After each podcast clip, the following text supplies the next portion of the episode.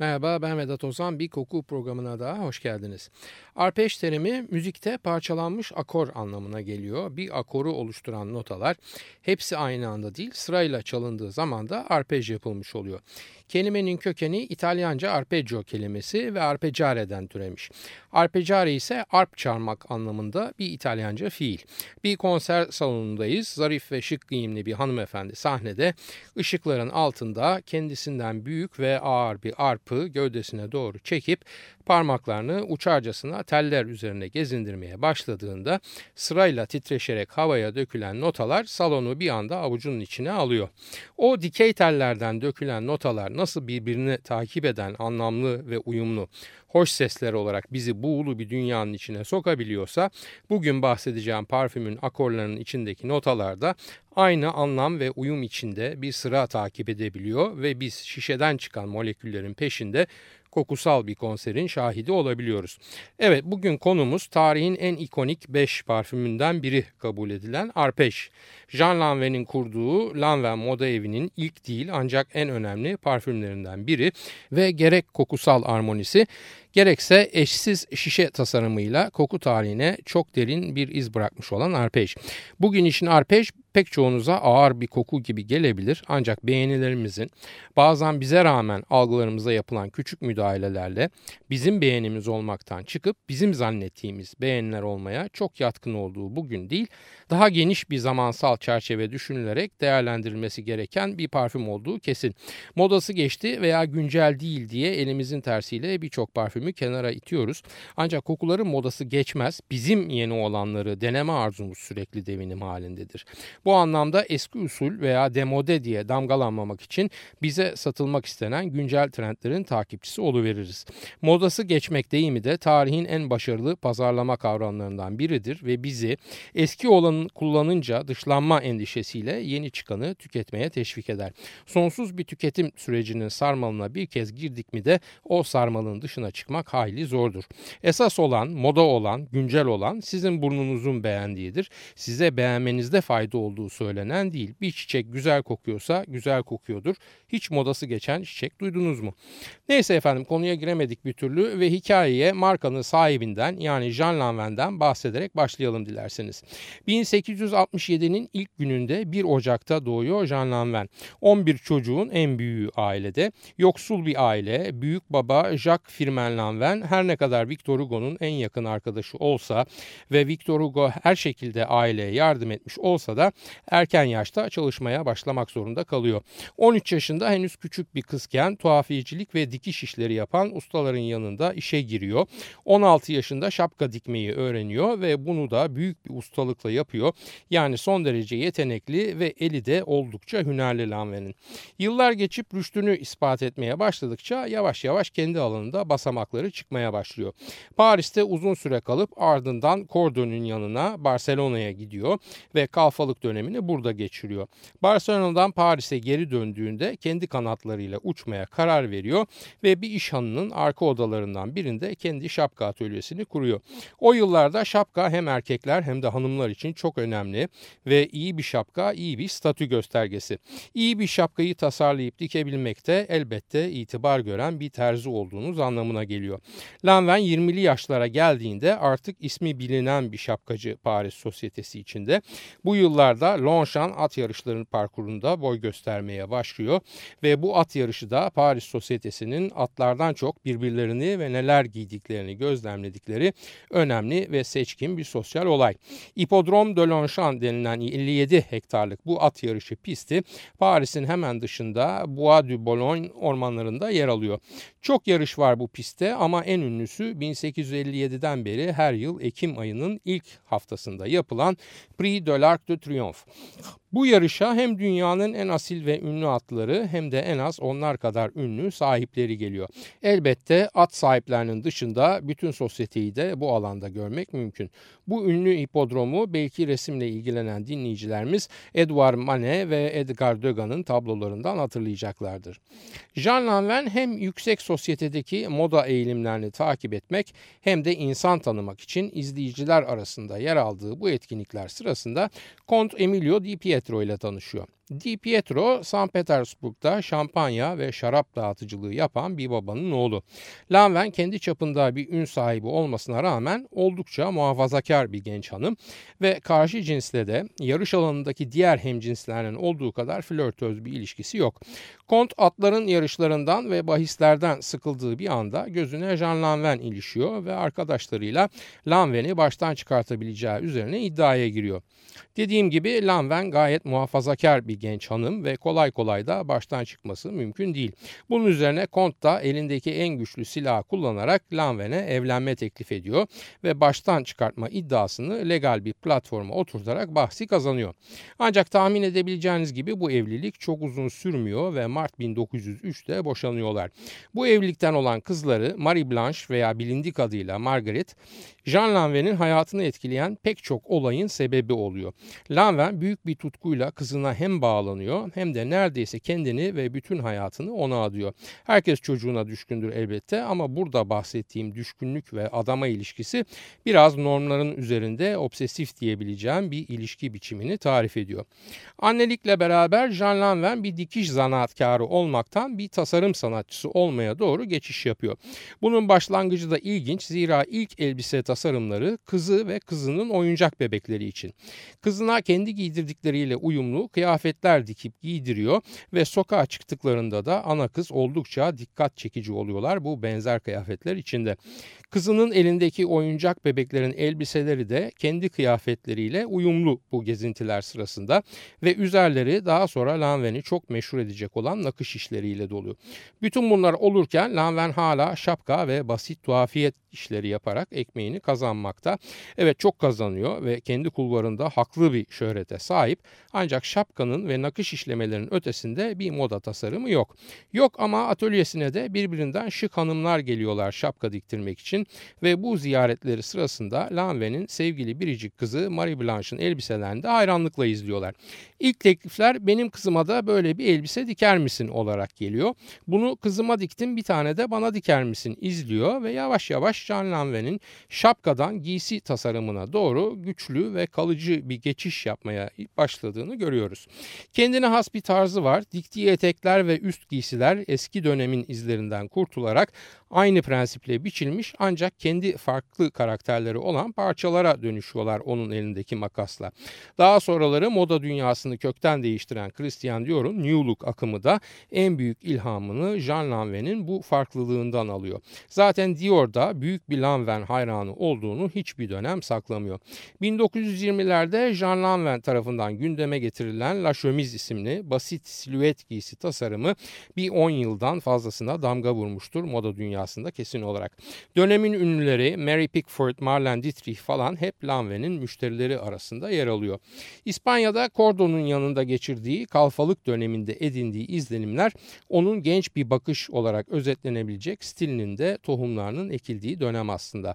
O genç kızlık döneminde Barcelona'da gölge ve ışığı gözlemlerken edindiği izlenimler giysileri üzerindeki nakış işlerinde bariz bir farklı karakter olarak kendini gösteriyor. Giysilerin kontür formlarından öte kullandığı nakış, boncuk, aplike işlemeleri ve belki de en önemlisi rengin kullanımına verdiği önem Lanvin'in çizgisinin kendine haslığını oluşturan etmenlerden bazıları. Vitraylı camlardan esinlenerek oluşturduğu bir derin mavi renk var ki bu renk Lanvin mavisi olarak anılıyor ondan sonraki dönemlerde de. Renklerden mavi dışında begonya, fuşya, kiraz kırmızısı, badem yeşilini, siyahın üzerinde de gümüş ve altın rengini kullanmayı çok seviyor. Rue Faubourg Saint-Honoré'deki butiği bu değişik bakış açısının örnekleri kendi üzerlerinde görmek için paraya acımayan müşterilerle dolup taşıyor. Şapka ve tuhafiye ikinci plana geçiyor. Önce Sendika de la Couture üye olup resmen kuturiye yani moda terzisi oluyor. Sonra bunu renklere aşkından dolayı kurduğu kendi kumaş boyama fabrikaları ve tabii dikiş atölyeleri izliyor. Bu gelişim çok sonraki yıllarda Legion d'Honneur nişanına kadar uzanıyor. Bu kadar ün ve görkem olur da bunlara bir de parfüm eşlik etmez mi? Elbette ediyor. Lanvin markası altında ilk parfüm Iris yani Süsen ismini taşıyor ve çıkış yılı 1923. Bir Rus parfümör bayan Madame Zed'in veya tam ismiyle Marie Zed'in tasarladığı bu parfüm Jean Lanvin'in ölene kadar bıkmadan kullandığı kişisel favori parfümü oluyor. Takip eden 3-4 yıl içinde ondan fazla parfüm tasarlanıyor Lanvin adına ve bunların en önemlisi ise Amerika Birleşik Devletleri'nde ve Avrupa'da farklı isimlerle. Yani Amerika Birleşik Devletleri'nde Maisin, Avrupa'da ise Monpeche, Günahım ismi altında satılan parfüm oluyor. Yıllar ve şeyler sabit durmuyor. Terzilik, moda tasarımcılığı, tekstil boya fabrikaları ve parfümler derken imparatorluk büyüyor. İmparatorluk büyürken bizim küçük Marie Blanche da aynı yaşta kalmıyor tabii. Bütün bu dikim ve tasarım işlerinin sebebi olan yani kendisine ve oyuncak bebeklerine dikilen elbiselerle annesini şapkacılıktan modacılığa transfer eden Jean Lanvin'in kızı Marie Blanche 1927 yılına gelindiğinde kocaman bir genç hanımdır ve 30 yaşını kutlamaya hazırlanmaktadır.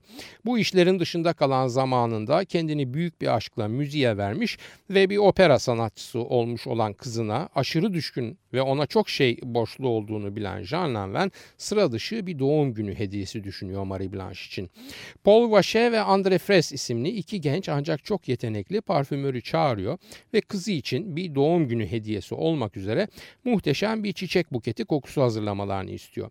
Öyle bir koku olacaktır ki bu bütün varlığını tek seferde hissettirmeyecek ancak ilk duyuşta yıldırım aşkı gibi çarpacak. İçindeki pahalı doğal yağların kokuları birbirini takip eden sıralarla bir hissedildiklerinde bir daha tekrar hissedilmeden gün ışığına çıkıp sevgili kızı için müziğin kokusal tercümesi yerine geçecektir. Evet bu özel parfümün ismi Arpej olacaktır. Kısa bir kahve molasından sonra Jean Lanvin'in Arpej'ini anlatmaya devam edeceğiz efendim. Juliette Greco Mexico'dan dinliyoruz. Rue de Blanc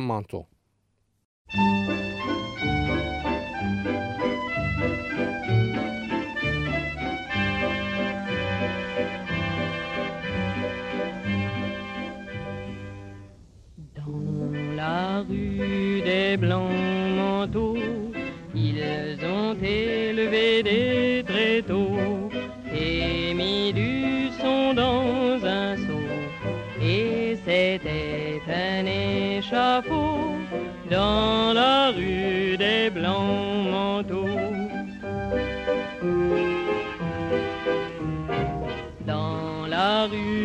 des blancs manteaux, le bourreau s'est levé tôt, c'est qu'il avait du boulot. Faut qu'il coupe des généraux des évêques, des amiraux, dans la rue des blancs manteaux. Dans la rue des blancs comme il faut, avec de beaux affutiaux. Mais la tête leur faisait défaut, elle avait roulé de son la tête avec le chapeau dans le ruisseau des blancs manteaux.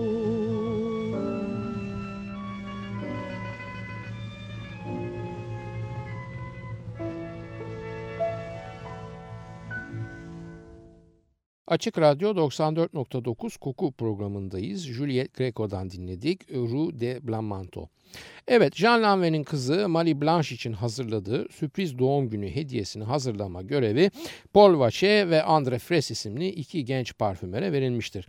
Başlangıçta ilk denemeleri ikisi beraber yaparlar ancak iş tamamlanmadan Vacher şirketten ayrıldığı için son şekli vererek parfümü tamamlama görevi Fres'e düşer. O tarihte 27 yaşında olan Fres'in amacı doğayı bir kenara hatta geriye bırakarak ondan referans almayan soyut bir çiçek kokusu yaratmak ve Gras'taki çiçek tarlalarını bile böyle bir çiçek barındırmadığı için kıskandırmaktır. Yıl 1927'dir ve Chanel 5 numara bütün dünyayı çalkalamaya başlamıştır. Chanel 5'i taklit etmeden ancak ondan uzağa da düşmeyerek ve kuvvetle esinlenerek dökerek formüle etmeye başlar parfümünü Fres. Chanel'de oldukça cömert kullanılan aldehidler arpejin içine de girerler ancak bir farkları vardır. Chanel 5'in açılışında hissedilmelerine rağmen arpejde gövdenin içine gömülmüşlerdir ve gizli kahraman görevini üstlenmişlerdir. Yani aldehidlerin kokuları tekil olarak hissedilmemekte ancak formüle olan etkileri toplam koku algısına büyük bir katkı yapmaktadır. Aldehit diyerek kısa geçiyorum zira önceki programlardan birinde en önemli koku içerik maddelerinden biri olan aldehitleri zaten detaylıca anlatmıştım. Tekrara düşmeyelim. Normalde aldehitler metalik ve yağlı kokarlar sarf halleriyle kokladığınızda ancak arpej içinde koklanan aldehitler böyle bir tarifin çok uzağına düşerek tabiri caizse karanlık bir gecede göz kırpmaları zor takip edilen yıldızlara dönüşürler. Arpej floral aldehidik denen parfüm grubu içinde en az aldehidik olan parfümdür dersek yanlış bir şey söylememiş oluruz. Lanvin Frese maliyet konusunda açık çek vermiştir. Yani demem o ki Lanvin tıpkı iyi bir yemeğin veya iyi bir giysinin kaliteli malzemeden üretilebileceği gerçeği gibi iyi bir parfümünde kaliteli ve pahasına bakılmadan formül içine katılan kıymetli içerik maddelerinden oluşabileceğinin farkındadır. Bu nedenle de istediğini kullan bana şu kadar pahalı bu kadar zor bulunuyor diye gelme der. Bu anlayışın bugün için ütopik derecede imkansız bir anlayış olduğunu 21. yüzyılda parfüm tasarlanırken artık kokudan önce maliyet endişesinin geldiğini hatırlatmak isterim. Lanvin'in parfümüne verdiği bu serbestten bahsederken bunu hatırlamamız önemli. Chanel 5'te biraz gevşeklik hissedilirken Arpej tam aksine dolgun göfteli bir parfümdür. Yani Chanel 5 yaz çiçeklerinin konduğu bir vazonun kokusuysa Arpej aynı vazonun 3 gün sonraki kokusudur. Çiçekler daha olgundur, daha baharatlıdır ve bazı notalarda daha karanlık, gizemli ve belki daha kirli kokuyorlardır. Ancak bu kirlilik olumsuz bir kirlilik değil, bilakis biraz muzır ve müstehcen bir kirliliktir. İçeriğindeki müge ve sümbülteber yani tübroz doğal olarak kokuları kolay elde edilen çiçeklerden olmadıkları için dönemin kimya endüstrisinin avantajlarından yararlanarak yerine yapay benzerleri konulmuştur. Bulgar gülü, Yasemin absolüsü, yılang yılang ve acı portakal çiçeği kalp notalarını oluşturur parfümün. Bazı notalarda benzersiz bir e, sandal ağacı ve vetive yani Kabe samanı birlikteliği vardır ve bu gizemli birliktelik kalp notaları kendine çekerek sımsıkı bağlamıştır. Unutmadan söyleyeyim bazı notalarda bu akora misk ve paçuli de katılırlar.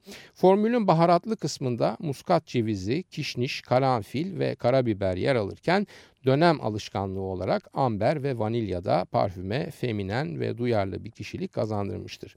Arpejin içinde toplam 62 içerik maddesi kullanılmıştır.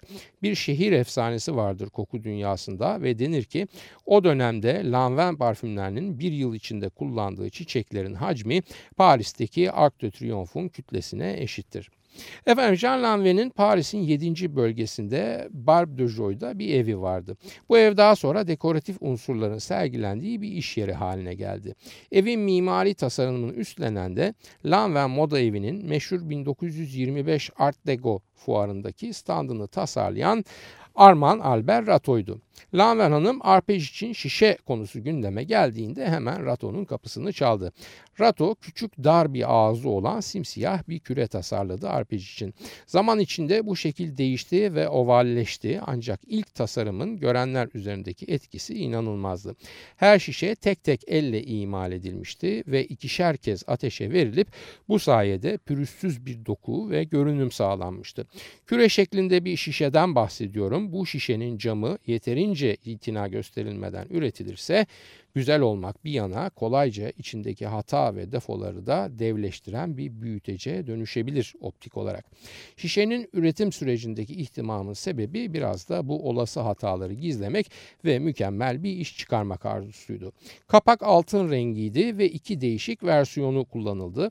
Biri daha ufak böğürtlen kapak denilen üzeri altın yaldız kaplanmış cam kapak, diğeri ise daha iri etrafa uzanan çıkıntıları olan ancak gene altın rengi tercih tercih edilen bir kapaktı. Şişenin bir de ismi olduğu ve ona hep bul noir yani siyah küre denildi.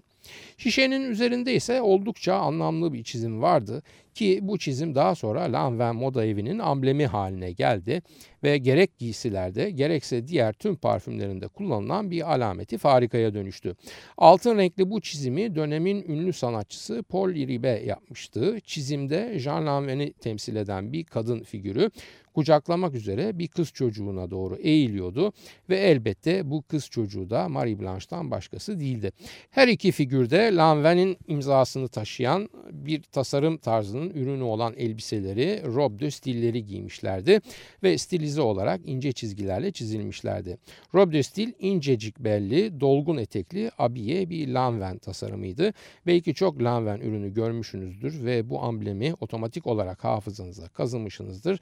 Ancak ancak bir daha sefere gene bir Lanvin ürünüyle karşılaştığınızda lütfen hatırım için etiket üzerindeki bu stilize çizime biraz daha dikkatli bakın. Çoğu ayrıntıyı fark etmeden geçip gidiyor günlerimiz bir görsel kalabalık alemi içinde. Oysa bunlar bence çok hoş ayrıntılar. Diğer Lanvin parfümlerinde olduğu gibi hoş tasarımlı afiş ve posterlerle desteklendi zaten şahlanmakta olan satışlar. Bu afişlerden birinde yer alan sloganda neredeyse parfümün kendisiyle özdeşleşti zaman için içinde.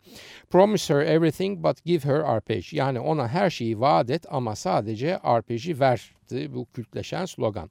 Evet önce sadece parfüm olarak piyasaya çıkan Arpej'in daha sonra 1950'lerde Eau de tuvaleti üretildi.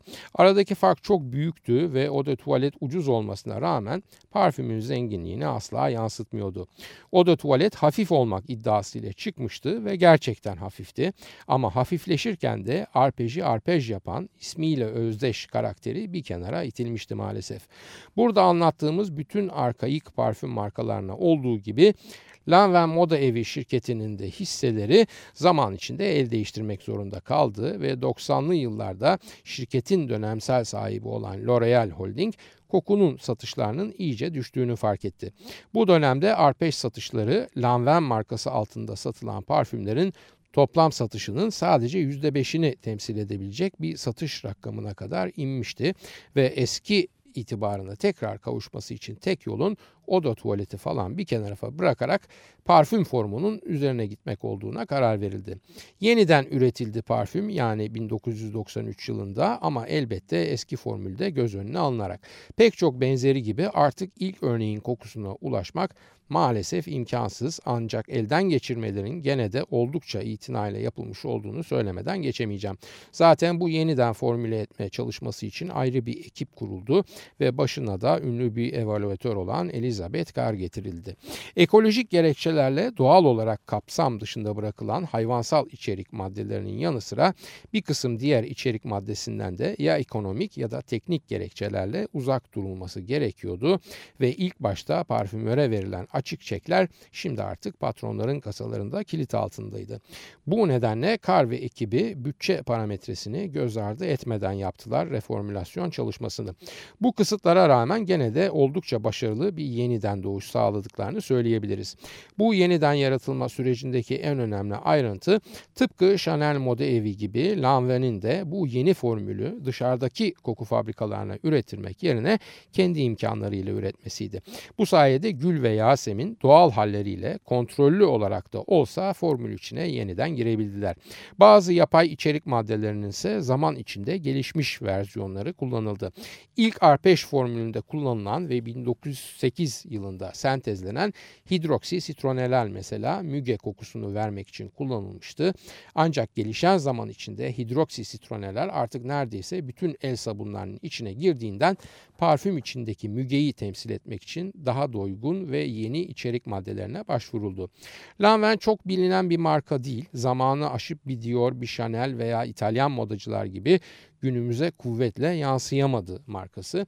Çoğumuz belki duymadık bile Lanvin ismini ancak yakın dönemde Lanvin isminin geçtiği bir haber bütün Amerika Birleşik Devletleri'ni çalkaladı. Neydi bu haber? Barack Obama yeni başkan olduğunda eşi Michelle Obama olağan halkla ilişkiler çalışmaları sırasında yoksullara yiyecek dağıtımı gibi bir hayır işini ziyaret etmişti ve bu ziyaret sırasında giydiği rahat ayakkabılar çok tartışıldı sonraları.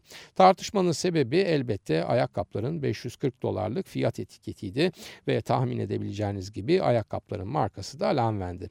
Jean Lanvin 1946 yılında 79 yaşında ondan sonra işin başına geçen sevgili biricik kızı Marie Blanche ise 1958 yılında 61 yaşında hayata gözlerini yumdular.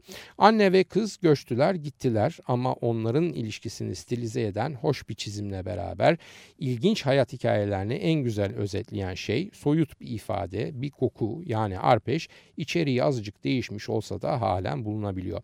Haftaya bir başka kokuda buluşmak üzere hoşçakalın efendim. Soru, öneri ve eleştirileriniz için e-posta adresimizi veriyorum. kokuprogrami.yahoo.com Bu programımızda adı geçen konulara ilişkin görselleri Jean Lanvin'i, Marie Blanche'ı üzerlerinde ana kızın beraber resmedildiği Bul Noir'ı yani o meşhur siyah küreyi bu yayından hemen sonra her zaman olduğu gibi facebook.com Taksim Vedat Ozan Koku adresinde de görebilir.